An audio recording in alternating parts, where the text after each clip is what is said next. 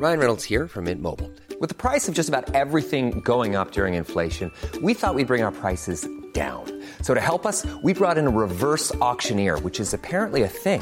Mint Mobile unlimited premium wireless. Ready to get 30, 30, bit to get 30, bit to get 20, 20, 20, bit to get 20, 20, bit to get 15, 15, 15, 15 just 15 bucks a month. So, Give it a try at mintmobile.com slash switch. $45 upfront for three months plus taxes and fees. Promo for new customers for limited time. Unlimited more than 40 gigabytes per month. Slows. Full terms at mintmobile.com. I'm Sandra, and I'm just the professional your small business was looking for. But you didn't hire me because you didn't use LinkedIn jobs. LinkedIn has professionals you can't find anywhere else, including those who aren't actively looking for a new job but might be open to the perfect role, like me.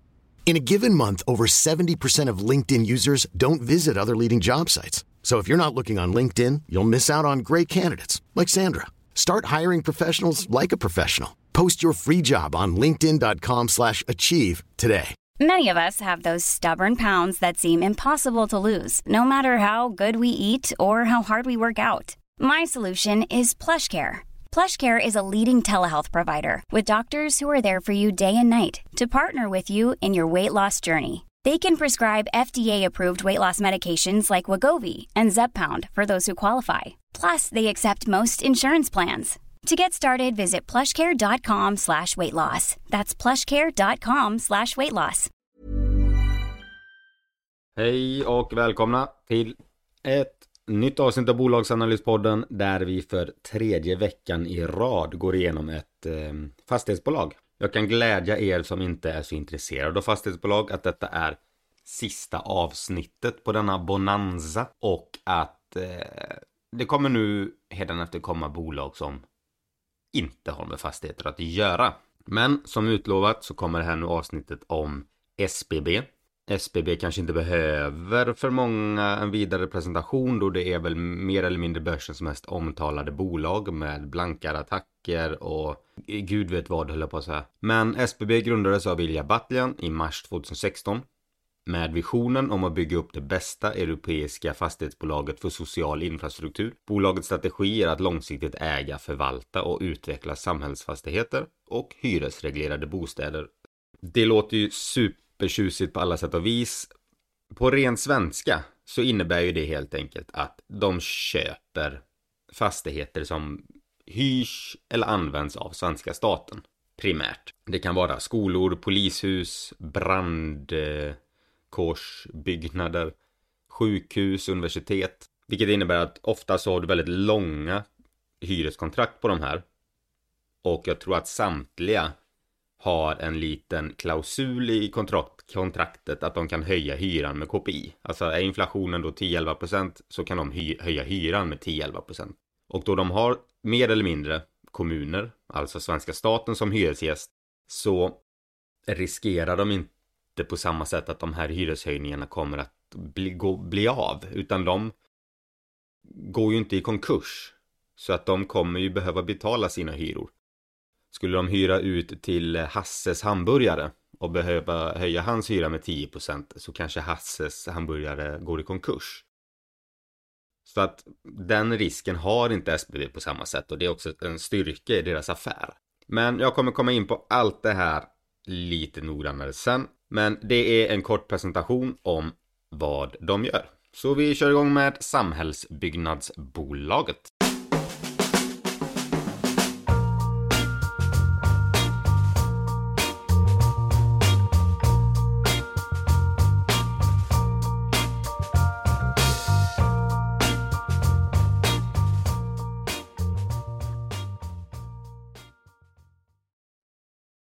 Lite nyckeltal på SBB så vi vet vad vi har att eh, jobba med. Då har vi fastighetsvärden på 135 miljarder. Kassaflöde från löpande verksamheten på 3,5 miljard. Då är hyresintäkter under 2022 på 7 miljarder 450 miljoner. Och en snittränta på det här på 2,12. Du har en direktavkastning på 8,4 procent, vilket innebär att det är en utdelning på 1,44 kronor per aktie. P 1 är minus, mycket beroende på nedskrivningarna de tog nu. Men vi ska kolla på vad ett mer rättvisande P tal är snart. Och då har du ett börsvärde på ungefär, den rör sig ganska mycket, men på ungefär 28 miljarder kronor. Deras affärsmodell är ju som sagt inriktad på social infrastruktur. Det innebär dels samhällsfastigheter, såsom polisstationer, sjukhus, skolor, men också hyresbostäder. Risken i det här bolaget som de flesta ser, det är inte samhällsfastigheterna utan det är deras hyresbostädsbestånd. Och i dagsläget så får de in ungefär en och en halv miljard därifrån. Medan de från offentligt finansierade bostäder får in 1,4 miljarder. Offentligt finansierade bostäder är äldreboenden och LSS. Och sedan så får du in 3 miljarder 700 miljoner från samhällsfastigheter. Så att det är ungefär 50-50 fördelat men ungefär 33% är ju direkt riktat mot hyresbostäder. De kommer du inte kunna höja hyran med KPI. På deras samhällsfastigheter så tecknar de ju oftast långa kontrakt. De köper en skola från en kommun för 100 miljoner. Sen hyr de ut den till samma kommun på låt oss säga 30 år där de säger att vi kan höja hyran med inflationen dessa 30 åren. Så att du garanterar nästan att du du får väldigt säkra intäkter där. Det är, en, det är en väldigt bra affärsidé faktiskt. Du får många bäckar små hela tiden. Du tuggar av ditt lån och eh, du hela tiden ser till att säkra ditt kassaflöde. Det är jättebra. Samma grej kan de inte göra på hyresbostäderna. Och inte heller på de offentligt finansierade bostäderna där du har äldreboenden och LSS. För att där du har dels lite andra regler som jag inte riktigt kan och därför inte vågar gå in på. Men du har också olika föreningar som Hyresrättsföreningen och eh, du kan inte gå in och klubba igenom sådana här hyreshöjningar som sker nu utan där sker det oftast mer i samklang med eh, kommuner eller eh, föreningar på, som har ansvar över de här områdena. Så där kan man snarare räkna med att hyreshöjningarna är i snitt kanske 2% per år. Men nu när det har varit extravaganta år så kanske vi pratar snarare 4 till 5. SBB har ju dessutom växt väldigt, väldigt fort. De har ju förvärvat mycket när räntan var låg. Vilket innebär att de har kunnat köpa ett stort fastighetsbestånd där de har kunnat räkna i sina kalkyler att här har vi 6,5% direktavkastning varje år på de här. Men när räntan nu höjs så sjunker deras direktavkastning på de här husen. Och sen har du en värdeminskning på bestånden dessutom. Så att det slår lite grann dubbelt där. Men det kommer vi in på lite senare här. Nu springer jag i förväg. Nu gick vi igenom hyresintäkternas fördelning. Kollar vi på marknadsvärdets fördelning på 135 miljarder så står 68% är social infrastruktur och 28% är hyresbostäder. Sen har du 5% som är lite övrigt. Dessa i sin tur är fördelade på 25 miljarder, alltså 19% är i Norge, 19 miljarder 1,9 miljarder, 1% är i Danmark, 10 miljarder, 8% är i Finland och 98 miljarder, 72% är i Sverige. Nu det sista så ska de ju renodla och håller på. De har sålt av ganska många fastigheter, dels till Brookfield och dels till nu när de knoppade av Neobo. Nu föreslår de även att dela ut Svea Fastigheter vi kan dra av Svea Fastigheter direkt så kan vi lämna bort den sen. Och där pratar vi 5000 plus fastigheter ska bort, eller lägenheter menar jag. 4900 byggrätter. 25% av Heba fastigheter ska följa med i det här. Och SBB räknar med att deras del av det här bolaget är värt ungefär 8 miljarder. Sen har de även påpekat att de ska sälja av 70% av det här när de säljer av det sen. Detta gör de dels för att renodla verksamheten för att de har ganska många små innehav som de har köpt i andra fastighetsbolag över börs. Och sen så har de ingått mycket joint ventures, alltså de har samarbetat med olika företag, startat ett gemensamt företag. Och det har blivit rörigt och det är det här som har blivit en grogrund för misstroende från många investerare, blanka firmor eller från från vem som helst. Det är väldigt svårt att få insyn i det här för att väldigt många, eller i vissa fall har deras joint ventures gjort affärer med varandra. Och det har inte riktigt kommit fram till aktiemarknaden. Så detta är ett av deras steg då att ytterligare förtydliga och komma tillbaka till deras kärnaffär.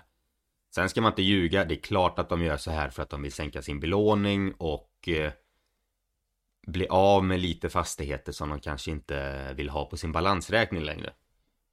Man ska inte, alltså hade det tuggat på som för två år sedan, då hade de inte gjort det här.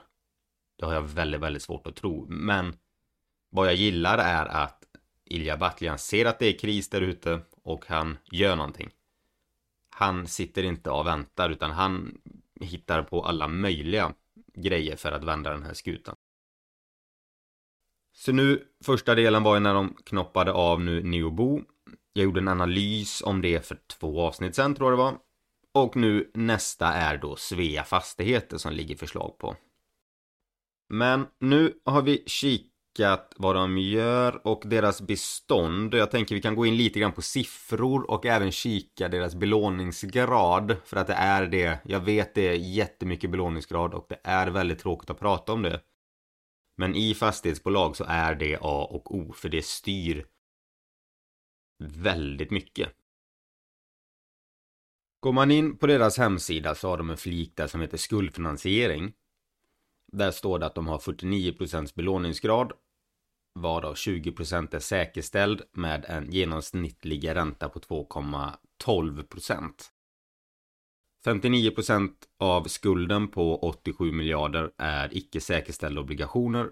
39 är övriga lån. 1% är företagscertifikat och 1% är säkerställda obligationer. Här säger vissa att belåningsgraden är egentligen högre för att de använt vissa instrument som man kan du har hybrider och du har preferensaktier och eh, det kanske inte är skulder i ren eh, formalia kan man säga så. Men man kan tolka det som skulder. För kollar vi på preferensaktierna så ska ändå de ha sin utdelning om den är kvartalsvis eller månadsvis. Kollar vi på deras kapitalbindningsstruktur så har vi nu ett år så förfaller 7,3 miljarder. Och inom två år så förfaller 26 miljarder 700 miljoner. Sen har de den största stöten kommer om fem år ungefär. Nu har de ju då börjat se den här pucken komma på lån som de behöver antingen refinansiera eller betala tillbaka. Problemet är ju bara det att för varje nytt lån de tar så kommer ju snitträntan bli högre, vilket slår på lönsamheten.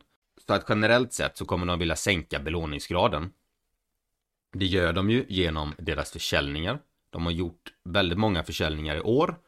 Och fler har de även annonserat ut i rapporten. Vi kommer till det om en stund.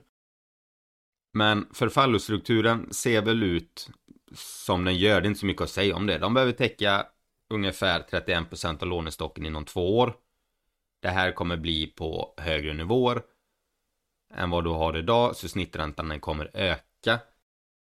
Om jag kikar och tänker lite snabbt i huvudet här, ta inte gift på det här, för det här är bara en grov höftning. Men om snitträntan nu då skulle öka till ungefär 3,5-4% så skulle SBB handlas på ett P tal på 20. Och det är ganska högt för ett fastighetsbolag. Det du kan handla ett fastighetsbolag i P20 om räntorna är höga och du vet att du kommer få mycket lägre räntor framöver. Så att du vet att eh, snitträntan kommer snarare att gå ner. Men på just det avseendet så ser det väl ut som de flesta fastighetsbolag. De värderas här. Det är varken billigt eller dyrt. Men vi kikar lite mer på siffrorna och försäljningarna nu i kvartalet. Där ökade hyresintäkterna med 26% till 7,5 miljard från 6 miljarder förra året. Driftöverskottet ökade med 21% till 490 miljoner. Eller vad säger jag? 4 miljarder 900 miljoner. Och kassaflödet från den löpande verksamheten före förändringar av rörelsekapital var 3,5 miljard. Resultatet före skatt minskade till minus 10 miljarder. Det här är ju avskrivningar. Återigen som jag sagt nu de tidigare analyserna av fastighetsbolag. De flesta har verkar ha tagit avskrivningar nu i fjärde kvartalet för att få ett nytt fräscht 2023. Vi får se om det kommer behålla sig så, men än så länge så verkar de ändå ha tagit ganska mycket höjd och skrivit ner. Fastighetsportföljens värde uppgick som sagt till 135 miljarder. Där du har ett långsiktigt substansvärde på 45,5 miljarder. Det blir 31,34 kronor. Styrelsen föreslår en utdelning om 1,44 kronor. Sen så har de också föreslått en så kallad DRIP-modell. Det tänker jag vi tar i slutet sen för att det det är inte så, så jävla rödigt höll jag på att säga, men det är ändå rödigt för det beror på helt på vilket perspektiv du vill se saken ifrån. Efter kvartalets utgång nu ska man komma ihåg, det är att de fick 6,5 miljard i kontantbetalning från Brookfield för det här paketet de sålde. Så att de ska få lite mer pengar in från Brookfield om jag har förstått det hela rätt och sen har de ytterligare diskussioner om att sälja fastigheter för 6 miljarder och allt det här är ju då en del av att sänka skuldsättningen. Och även här kan jag notera återigen att i Svea Fastigheter så förväntar de att det här bolaget kommer vara värt 15 miljarder. Men där är SBBs del 8 miljarder. Och när eller om de noterar det här bolaget så kommer SBB att sälja 70% av aktierna. Så att även där kommer det komma in ganska mycket pengar. Så att de, de renodlar friskt nu. Av någon anledning så vill han fortfarande dela ut och där är det många som spekulerar om att han måste dela ut för att han ska ha råd att betala räntan i sitt privata bolag där han äger sina aktier i SBB. Det är därför kursen också har gått ner väldigt mycket på den här oron. Han förnekar det, blankarna tror på det. Och blankarna ligger väl och pendlar mellan 12 till 15 procent av, av aktiekapitalet i SBB och blankat det. Så det, man får helt enkelt använda sitt sunda förnuft där vem man tror på. Sanningen ligger troligtvis mittemellan. På koncernens resultaträkning så ser man att hyresintäkterna uppgår till 7 miljarder 500 miljoner. Detta är på helårsbasis nu. Detta är inte bara i Q4 utan på helår. Du har driftkostnader på 1,5 miljard. Du har underhåll på 400 miljoner och en förvaltningsadministration på en halv miljard och en fastighetsskatt på 150 miljoner. Vilket innebär att du har driftnetto på 4,8 miljarder. 4,9 miljarder skulle jag till och med vilja säga. Det man ser här nu det är att på helåret är inte driftkostnaderna jättedyrt. Sista kvartalet 2022 var 451 miljoner. Så att de har ju gått upp, det är ju troligtvis elpriserna. För året innan dess så låg de på 350 miljoner. Så att de har höjts 100 miljoner. Men utöver det så är som sagt driftkostnaderna ganska låga. Vilket är väldigt bra. Man vill ju inte ha en fastighet som har väldigt höga driftkostnader. SBB investerar ju kontinuerligt i dem. De har nu börjat sätta upp väldigt mycket solceller, bygger egna solcellsparker etc. för att de vill bli koldioxidneutrala. Det här är ju långt fram i framtiden såklart men för varje solcell de smäller upp på något hustak ju mindre minskar ju deras driftkostnader. Så att de arbetar och de tar tag i det här och de tilläggsisolerar hus och de gör kontinuerligt underhållsarbeten på husen. Eh, driftnettot var det, det är 4,9 miljarder. Sen kommer man ju dra ifrån den centrala administrationen. Du har förvärvs och omstruktureringskostnader. Du har resultat från intresseföretag. Resultat före finansiella poster blir då 2,5 miljard. Nu kommer ränteintäkterna och räntekostnaderna in. Du har räntekostnader på en och en halv miljard. Men framförallt så har du valutakursdifferenser. Det här har han själv nämnt är eh, du har, du tar lån i euro exempelvis, eller du tar lån i dollar. Men du har dina intäkter i svenska kronan. Och svenska kronan är väl kanske inte eh, något man använder som raggningsknep nu och viftar med en hundralapp utan den är väldigt svag. Vilket innebär att om du har lånat i euron och helt plötsligt så sjunker kronan med 10% i värde då har du ju förlorat 10% enkelt förklarat. Och här kan man lägga in olika hedgar på det här men det kan både kosta och det kan det slår ju åt andra hållet med. Det är inte helt lätt. Så den här posten är ganska viktig i SBB för att det är många utländska lån i och med att de är på obligationsmarknaden. Hade de haft ett stort, ett eller två stora banklån i Sverige, ja, då hade det varit med svenska valutan. Då hade du inte haft de här slagen i resultatet. Men då blir det i alla fall resultatet, inklusive värdeförändringar och skatt i intresseföretag, minus en halv miljard. Varav förvaltningsresultatet då är 2,4 miljarder. Och förvaltningsresultatet exklusive valutakursdifferenserna hade varit 4,3 miljarder. Så att den rullande verksamheten, den går ju bra. De får in sina hyresintäkter, de kommer kunna hy höja hyrorna betydligt mer än vad de flesta andra fastighetsbolag gör. Så att det är ingen fara på taket att de vad det verkar och vad de säger inte har bekymmer med att betala sina räntor, att de har någon form av likviditetsproblem. Däremot vad många kanske pratar om att det är att de borde kanske ställa in utdelningen för att behålla mer pengar i kassan i dessa tider för att minska risken och ytterligare bygga en cashposition. Sen har du värdeförändringar i fastigheter, 4,5 miljarder ner. Realisationsresultat vid utdelning av Neobo, 3,2 miljarder back.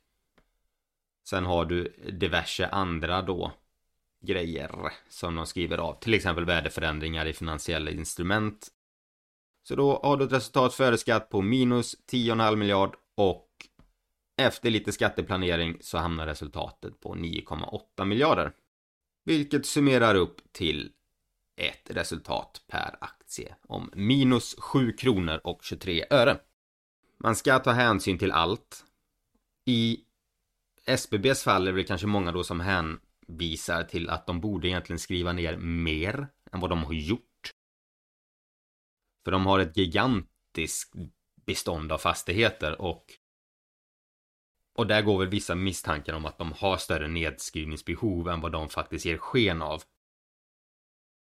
Och det påverkar ju således deras belåningsgrad. Nu blev det väldigt mycket siffror här igen, men man kan säga kort enkelt. Hyresintäkterna ökar med 26%, driftöverskottet ökar med 21%, kassaflödet ökade med 42% före förändringar av rörelsekapital.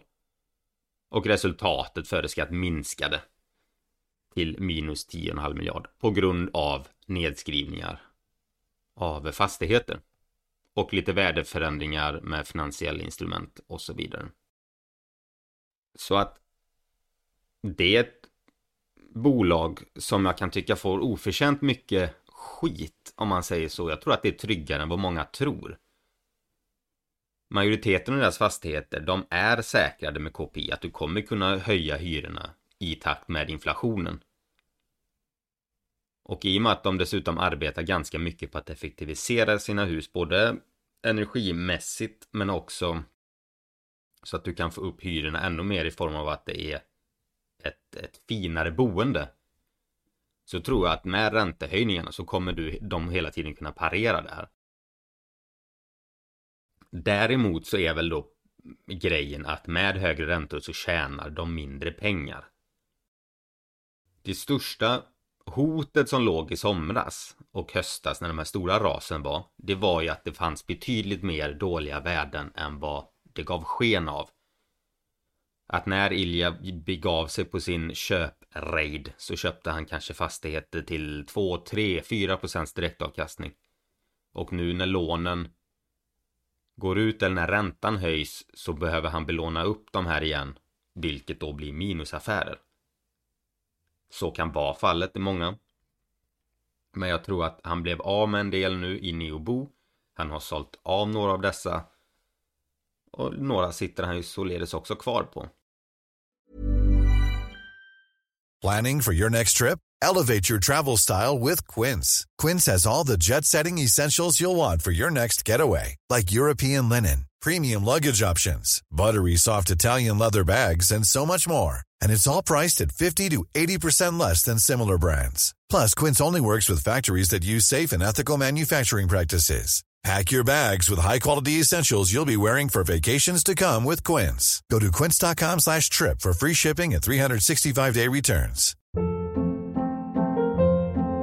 Hold up. What was that? Boring. No flavor. That was as bad as those leftovers you ate all week. Kiki Palmer here, and it's time to say hello to something fresh and guilt-free. Hello Fresh. Jazz up dinner with pecan-crusted chicken or garlic butter shrimp scampi. Now that's music to my mouth. Hello Fresh. Let's get this dinner party started. Discover all the delicious possibilities at hellofresh.com.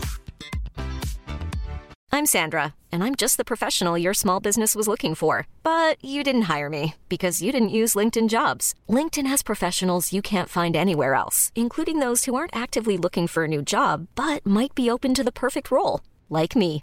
In a given month, over 70% of LinkedIn users don't visit other leading job sites. So if you're not looking on LinkedIn, you'll miss out on great candidates like Sandra. Start hiring professionals like a professional. Post your free job on linkedin.com/achieve slash achieve today. En annan grej är att de har sålt väldigt många fastigheter till bokförda värden. Även det här har folk spekulerat om. Och min tanke om det är att om du vill visa att ditt marknadsvärde består i portföljen, att inte behöva skriva ner alldeles för mycket, då säljer man ju inte de fastigheterna som går sämst som bevisar deras tes, utan då säljer du ju faktiskt några guldkorn. Du får in pengar, du blir av med några av dessa jättebra fastigheter, det är jättesynd, men du behåller också att marknaden har tron på att värdena som redovisas stämmer. Och i detta då form med 135 miljarder i marknadsvärde på husen. Jag säger inte att det är att det är så de gör. Utan den här, jag har ingen åsikt egentligen om deras värderingar. Utan säger de att de är värderade externt så är de troligtvis det. Och rättvist värderade. Men jag tror generellt sett att alla fastighetsbolag har ganska uppskruvade värden. Så att det, de kanske behöver skrivas ner lite till. Men oavsett så tror jag att SBB står ganska starkt rustat och han hittar på alla möjliga lösningar så att de kommer nog säkerligen rida ut den här stormen. Däremot så kanske jag inte håller med många av att värderingen är så himla himla låg. Och att den här ska upp väldigt mycket, det, det tror inte jag. För att skulle räntan dubblas här, vilket absolut inte är omöjligt, då handlas det här bolaget till ganska dyra multiplar. Och det finns ingen anledning att betala de multiplarna på ett fastighetsbolag. I alla fall inte om det ser ut som att räntorna kommer bestå. Sen är det en annan sak när de sjunker och man ser att de här högvinsterna kommer tillbaka. Ja, då positionerar man ju sig. Helst innan, givetvis, det förstår jag med, men det är svårt att veta när en sån långsiktig trend sker. Sedan så har också SBB sedan de startade haft ungefär 1% över KPI i hyreshöjningar varje år. Så de har liksom slått KPI i snitt. Jag tror faran i SBB är väldigt, väldigt överdriven. Och nu mer handlar det snarare om vad man tror värderingen ska ligga på i framtiden. Och där som jag sa åter, skulle räntorna dubblas, att de har snittränta på nästan dubbelt, då handlas SBB till P20. Så att det är inte egentligen jättebilligt. De sticker inte ut om vi säger så då så mycket med andra fastighetsbolag. Det är inte så att du har hittat SBB. Det är, det är en guldkalv. Det är inte riktigt så längre. Sen om vi kort ska gå igenom det här med dripsen nu. Vi säger att du har 10 aktier och så säger vi att för var tionde aktie så får du en ny aktie eller så får du en krona utdelning. Skulle alla välja att ha en ny aktie så innebär ju det mer eller mindre att det är det är en inställd utdelning. Bolaget behåller alla pengar hos sig fortfarande och de bara trycker en ny aktie, vilket inte kostar någonting för bolaget. Deras vinst blir ju lägre året efter såklart i och med att utspädningen är ju mer. Men de har å andra sidan kvar pengarna inom bolaget. Väljer alla utdelningen, då är det ju precis som det är nu, det är en vanlig utdelning på den procenten de har i direktavkastning. Sanningen kommer väl bli att det kanske kommer bli ungefär 50-50. Och det är väl troligtvis syftet med det här också. Och då blir det att du som väljer att vilja återinvestera en utdelning, du får en ny aktie, du behöver inte tänka på någonting, du behöver inte ha någon courtageavgift etc. Jag kan dock tycka det är ganska hur ska man säga, Att använda det som argument i Sverige tycker jag är det är ett dåligt argument för att inte dela ut i, från kassan på riktigt. I vissa länder där de förespråkar då det här som man jämför då med Brookfield i USA och att det här är mycket vanligare där. Det beror ju också på att de har ju betydligt högre courtage där med. Du har inte riktigt den aspekten i Sverige. Hade jag fått eh, 5000 utdelning från SBB och så har jag, låt oss säga ett courtage på 50 kronor. Jag hade inte, det hade inte gjort mig så himla mycket. Jag kanske hellre hade velat ha min vanliga utdelning och fått välja själv om jag vill återinvestera hela eller halva. Jag tror den hårda sanningen är nog bara det att han han vill försöka ha kakan och äta den med. Han vill behålla mer av utdelningen inom bolaget genom att då istället trycka nya aktier. Men han vill inte heller ställa in utdelningen. Dels av prestige och, och dels för att han vill ha utdelning på sin aktie. Vi får se om det här ens kommer röstas igenom. Jag har ingen aning om det, egentligen ingen åsikt heller, men förslaget som helhet, det är väl innovativt och funkar det så funkar det, men hade man skött det på helt och riktigt sätt så hade man väl i så fall köpt tillbaka aktier från sin kassa då istället för att trycka nya aktier och dela ut. Utan då hade man kunnat köpa tillbaka aktier under en period och sen delat ut dem till aktieägarna om de hade velat att behålla det. Så det här är ju ett sätt att få behålla mer av sin kassa, kunna beta av sina skulder, kanske ta tillvara på nya förvärv och så framöver och det får man ju bara respektera. Så det är den vägen de väljer. Jag kan tycka det är lite småtrist att vara ärliga med det bara. Det är liksom ingen det finns ingen anledning att hålla på och linda in det och få det att låta som någonting annat utan det till 99% så är det anledningen. Det känns som det är så mycket jag vill ta upp. Men jag tror att vi har gått igenom det mesta. Vi har gått igenom lite småhistorik, vi har gått igenom fördelningen på deras fastigheter, marknadsvärde, lite nyckeltal.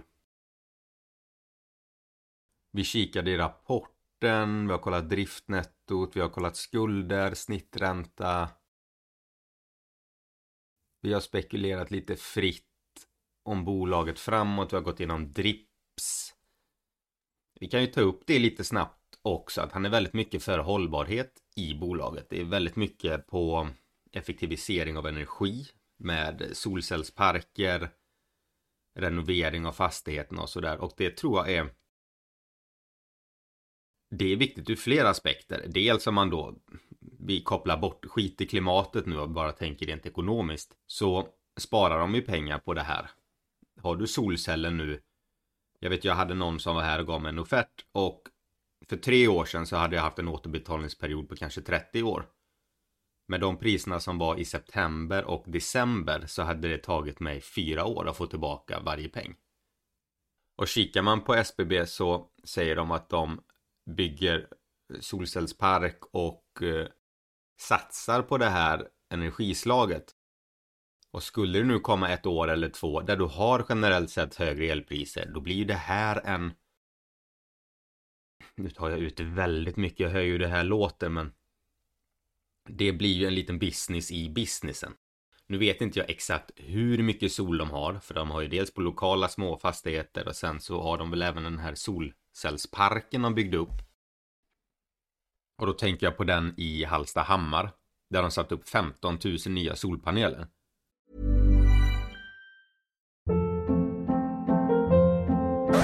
Hold up. What was that? Boring. No flavor. That was as bad as those leftovers you ate all week. Kiki Palmer here, and it's time to say hello to something fresh and guilt-free. Hello Fresh. Jazz up dinner with pecan-crusted chicken or garlic butter shrimp scampi. Now that's music to my mouth. Hello Fresh. Let's get this dinner party started. Discover all the delicious possibilities at hellofresh.com.